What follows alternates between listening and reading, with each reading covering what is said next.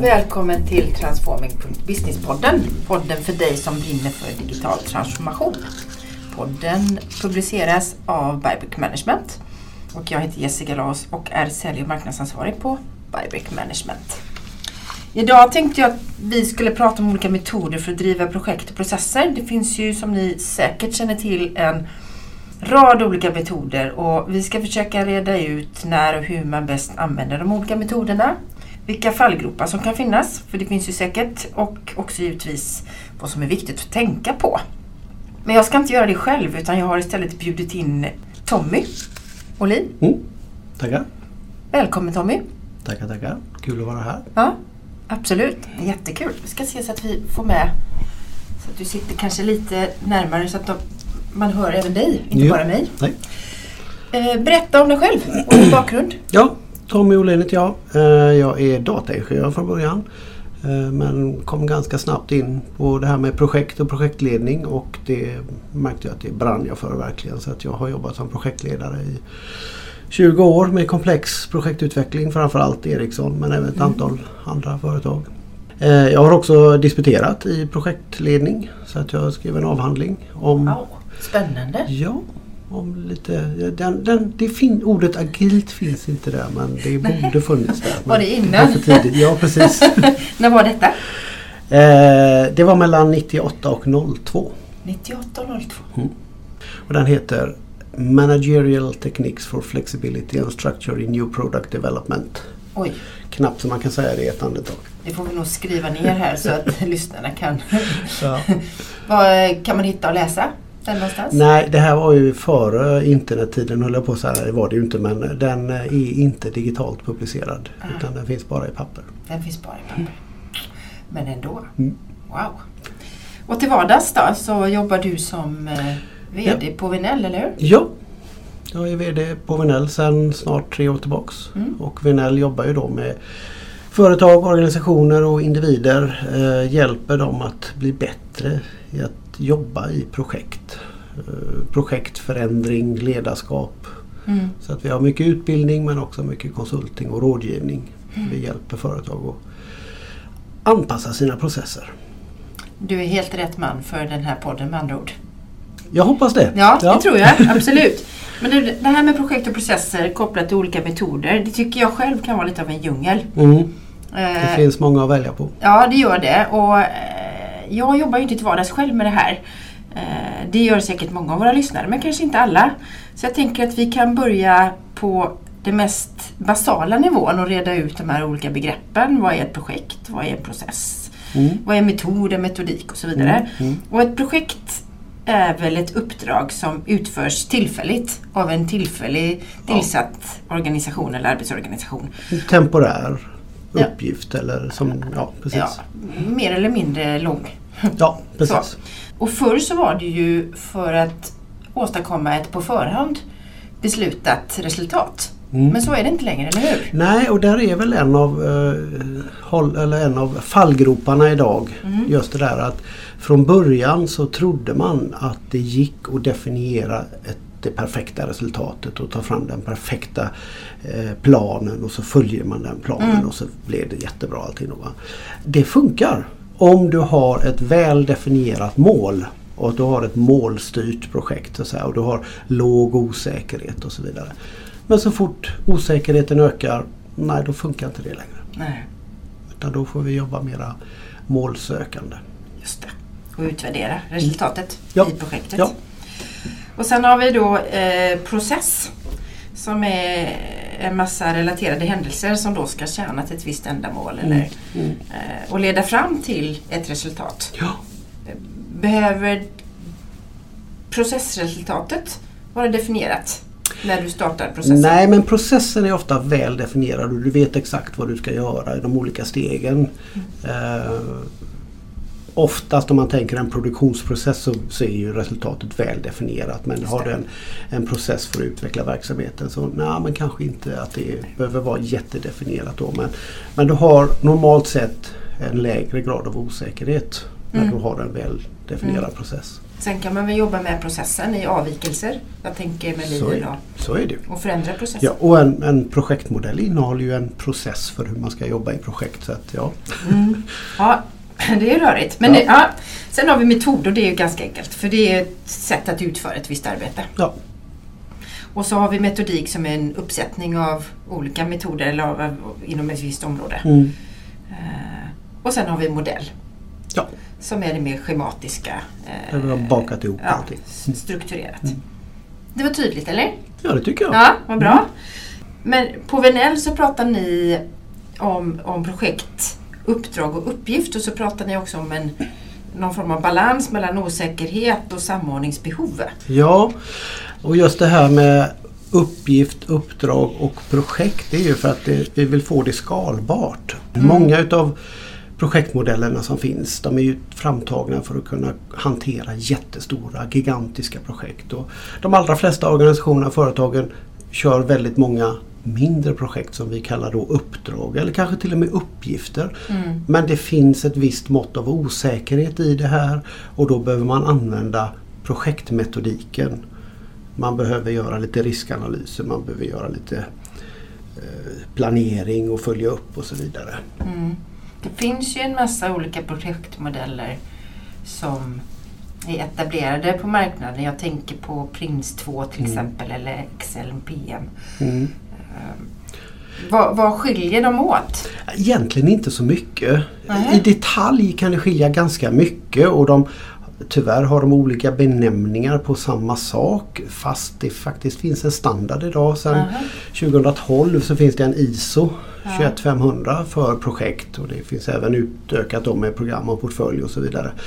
Men det kan vara så här att man benämner saker på lite olika sätt och man har lite olika detaljer. Men i grund och botten så är alla projektmodeller ganska lika. Du har ett antal olika faser Mm. som är separerade med grindar. Och det här bygger då på Robert Coopers StageGate-modell som Mm. han började utveckla på 70-talet. Som är en väldigt bra filosofi att ha i botten. Även om just StageGate-modellen har fått ta mycket, mycket skit. Ja men den har fått lite, den Den har fått mycket kritik. kritiserad genom åren. Ja. Vad är det som gör det då? Jag tror att det är att man har gjort lite våld på det som Robert Cooper säger. För Robert Cooper säger bara att vi ska ha olika faser med lite olika fokus och varje fas ska separeras då med ett affärsbeslut. Det, En grind, en Ja. gate. Men då har man byggt in saker där som att nej vi får inte prata med kunden förrän den gaten och så vidare. Ja men hur ska vi då veta vad kunden vill ha? Det är egna tolkningar. det är Egna inte tolkningar. Coopers. Nej. Eller att ja, vi måste ha bestämt exakt hur resultatet ska se ut innan vi kan börja. Nej. Och det bygger lite grann på den gamla tron att det gick att skriva den perfekta specen. Mm. Men det gör ju inte det. Nej, Så att, eh, inte idag när vi har men, en... men har du ett väl definierat mål med låg osäkerhet. Då är ju det här och det som man kallar för vattenfallsmodellen som är den gamla Mm. traditionella att kör på bara. Väldigt bra för det är ett effektivt sätt att jobba om du har låg osäkerhet. Jag tänker att idag med tekniken och den, den raska takten som är så är det ju svårt att hitta den. Du får nästan ge, hjälpa mig att hitta exempel på den typen av projekt. Där man har, inte har någon osäkerhet. Nej, det, det finns inte så många faktiskt. Nej. Eh, Det är väl kanske när du ska eh, uppgradera någonting som redan Ja, finns till just exempel. Ja. Så skulle det kunna vara. Men, och sen, för några år sedan så dök det här ordet agilt upp. Mm. Eh, Jag vet inte riktigt när det kom men plötsligt så fanns det överallt och då skulle alla jobba agilt och Ja. det fanns inte en, en rekryteringsannons där man inte sökte agil, Nej. alltså agilt mindset och så vidare. Ja. Vad, det känns lite, var det en motreaktion mot det här Ja, traditionella? det var ju en motreaktion och, och om, vi ska, om vi ska försöka förklara hur det här kom fram egentligen så var det under 90-talet så utvecklades det ett antal metoder. Scrum, Crystal, Extreme Programming, DSDM, Atom och så vidare. Som var en motreaktion mot det här gamla sättet där man försökte beskriva resultatet i förhand och så vidare. Man Mm. insåg att nej men det går inte. Och så hittade man de här olika sätten. Och det intressanta var att de här förespråkarna för de olika metoderna då. de började inte fighta som vem som hade den bästa. Utan de sa vi har så mycket gemensamt så att de träffades i eh, Utah, en snowbird, en skidort. Tror det var januari eller möjligen februari 2001. Jota-överenskommelsen alltså? Ja, kan man säga. Eh, Men där träffades man och så då bildades den agila alliansen och man skrev det agila manifestet och tog fram de agila principerna och så vidare. Så att det här med agilt är inte en metod eller en systemutvecklingsprocess utan det är mera ett förhållningssätt, det är ett ramverk Mm. som består av ett antal olika då, principer och förhållningssätt. Så att säga. Och sen har det ju gått mode i det och, och allt ska vara agilt och så vidare. Och det blev väl lite som alltid att det, pendeln svänger lite för långt och många pratar agilt utan att veta vad det är. Nej men så kan det vara. Men jag läste någonstans att det ändå bygger mycket på att människor och kommunikation är viktiga verktyg och att, Mm. det, är, eh, att det är de som löser problemen snarare än kanske utvecklingsarbetet och tekniken. Ja, Och det känns ju ganska logiskt. Ja. Och det är så vi pratar mycket när vi pratar digital transformation också, att det är människan och inte tekniken. precis. Och, det, jag ser ju det här agila som en naturlig del i projektledningslärans evolution. Så att säga. För den började någon gång på början på 1900-talet man tog fram det här. Det var ju Henry Gant och Fayol. Gantt-schemat, Gantt-schemat. och så- Mm. Det började komma Mm. där men det var väldigt mycket ad hoc först och sen i mitten på 1900-talet så, så tog man fram mer och mer processer. Men långt in på 70-talet så, så trodde man ju verkligen att det gick att skriva den perfekta specen och, och, göra den perfekta planen och så vidare. Men någonstans därefter så inser man att nej det här funkar inte. Så Nej. att den gamla skolan är liksom det här, jo men det, man pratar bara om projektledaren och man pratar mycket om processer och struktur, struktur, struktur. Mm. Sen svängde det och så blev det hela teamet som är det viktiga. Då? Och, det, Mm. och naturligtvis är det väl alltid en balansgång. Det får inte svänga för mycket heller utan det, det behövs struktur också. Ja, det blir lätt de här buzzwordsen Ja. som alla använder sig av. Mm, Som man Just pratar. Ja. Men eh, du nämnde några av de här olika processmetoderna. Scrum till exempel. Mm. Eh, vad, Scrum kommer från rugby va? Från början ordet. Ordet Ja. kommer från rugby, ja precis. När man står där vid avspark eller vad man ska kalla det, avkast. De- Avkast, De, ja, de står i en, eh, i en hög och buffar, bufflar på varandra där. Det, Ja, det det. kommer därifrån. Är det det man gör i Scrum? Att man är, Jag, jag vet inte är det riktigt. teamet? Nej men, men, men mycket av de här idéerna som är Scrum det, det kommer ju från eh, de här japanska gurusarna Nonaka med flera som, Mm. som då har tittat på bland annat hur Toyota jobbade och, Mm. eh, och där man då har insett att det är inte så enkelt att du bara kan ka- skapa en struktur utan du måste ha det här organiska. Så man pratar mycket om det mekanistiska synsättet och det organiska synsättet. Mm. Jag är ju helt övertygad om att det behövs en kombination av detta. Min avhandling då heter då hur man kan kombinera flexibilitet och struktur. För jag tror att du behöver både och. Ja, Tappar du strukturen så nej, då blir du kan du inte vara ryggradslös. flexibel. Nej, nej precis. Eller? Men hur ser en sån Scrum-organisation ut? För man hör ju om Scrum Master och så vidare. Vad, när du sätter upp Ja, Scrum är ju väldigt enkelt. Ja. eh, Och enkelt och tydligt vilket är dess fördel.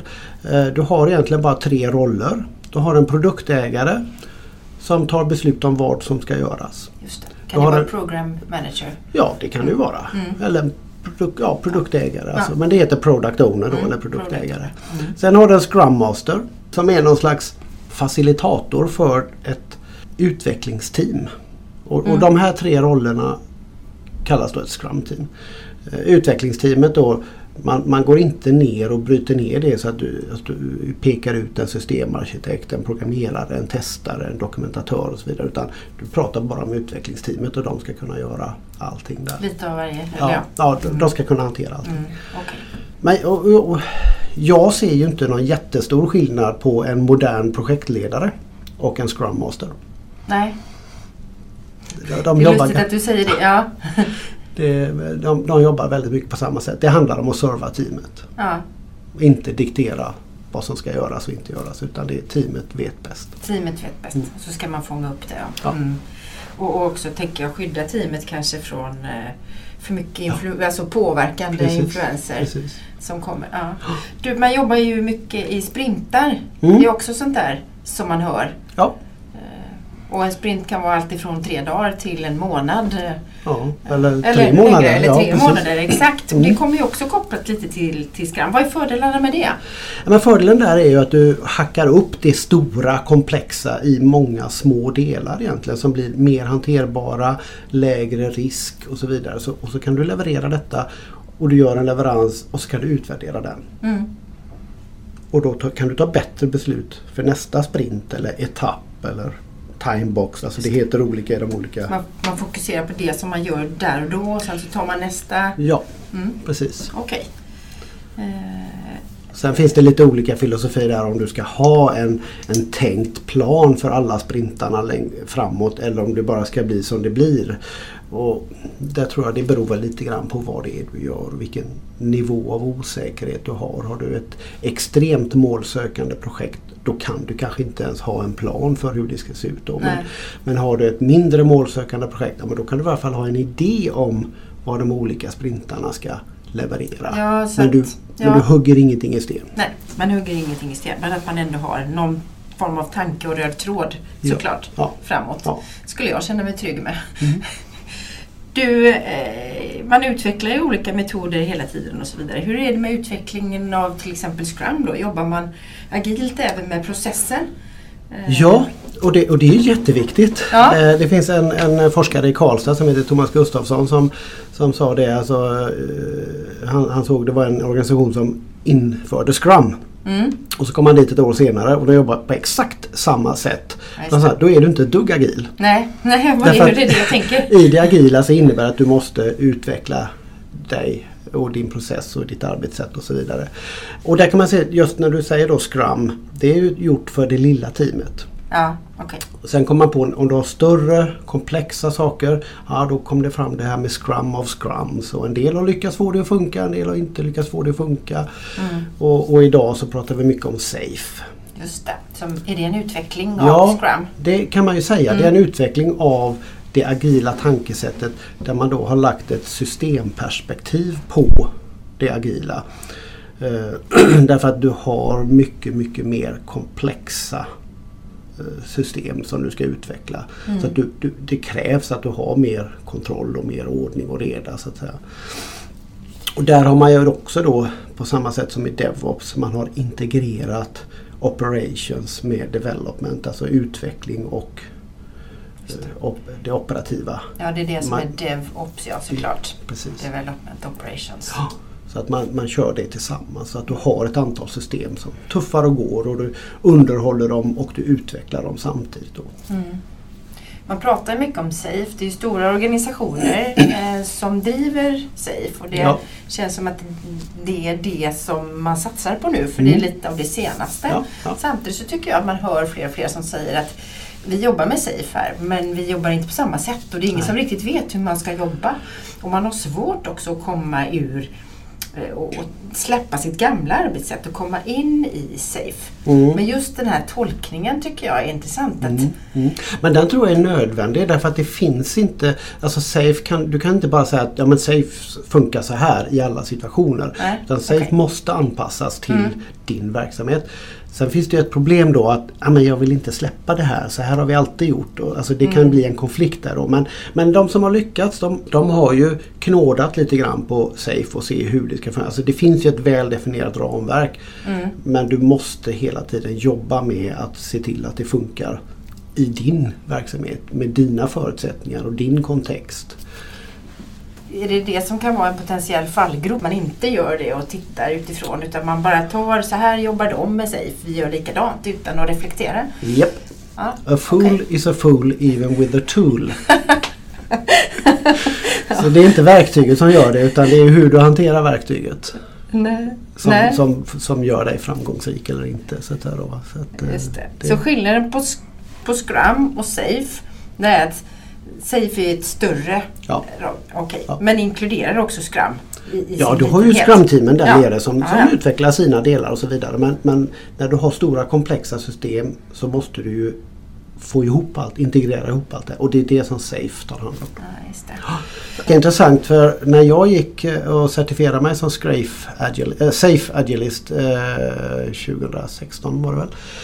Då kände jag igen mig jättemycket i hur vi faktiskt jobbade på Ericsson på 90-talet. Mm, det är spännande. Mm. Och det var innan hela den där digitaliseringseran Mm. drog igång på riktigt. Vi, har- ma- vi kallar dem inte likadant men vi hade de här Mm. Vi hade månatliga leveranser och vi hade releaser till kunden en gång i halvåret och vi hade de här olika forumen då för att hantera eh, felrapporter, nyutveckling och så vidare. Så det, Vad var det för metodik? Vad kallades den då ni jobbade efter? ja, vi kallade den att den var inkrementell. Ah, Men eh, ja, det var en variant av props som vi hade Ja, på den just det. tiden.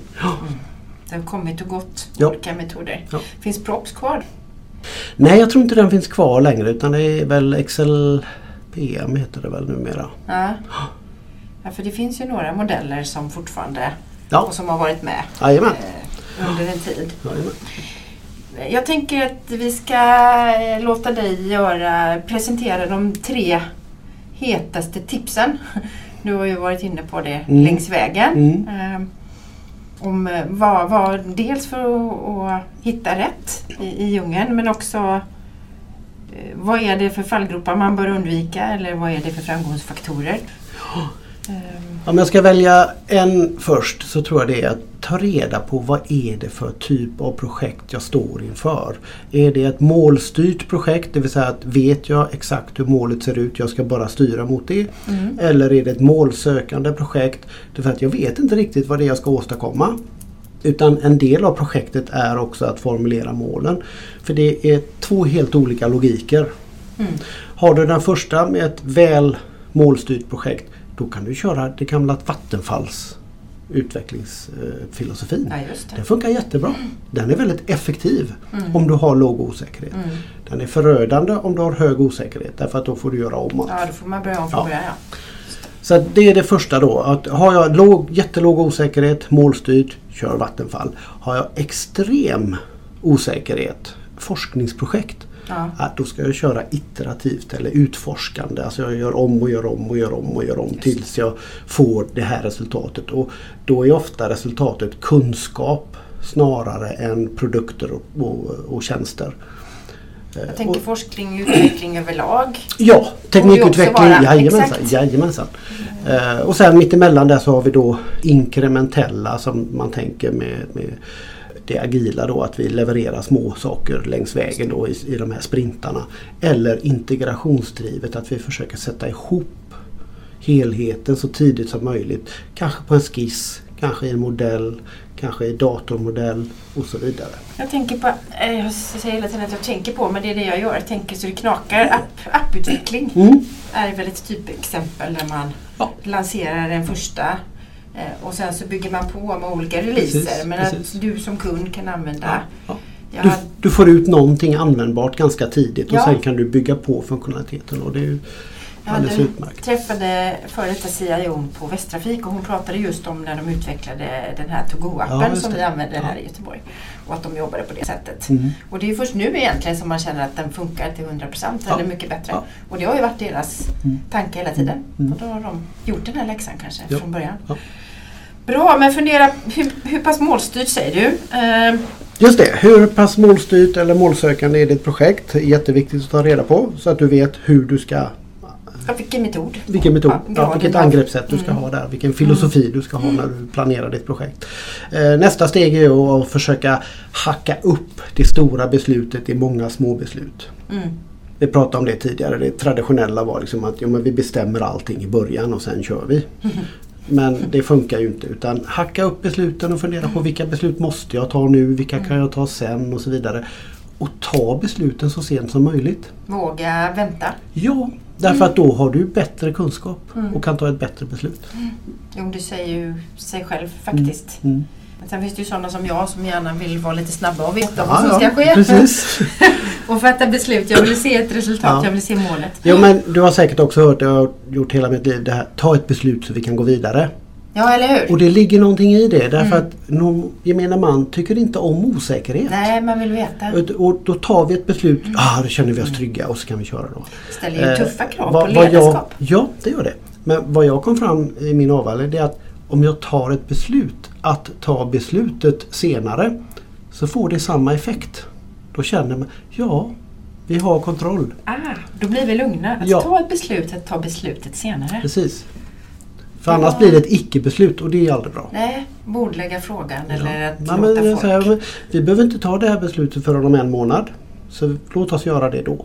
Just det, Och så- baserade på detta och detta. Precis. Gud vad smart. Två riktigt bra tips. Hur ska du nu lyfta och få det sista?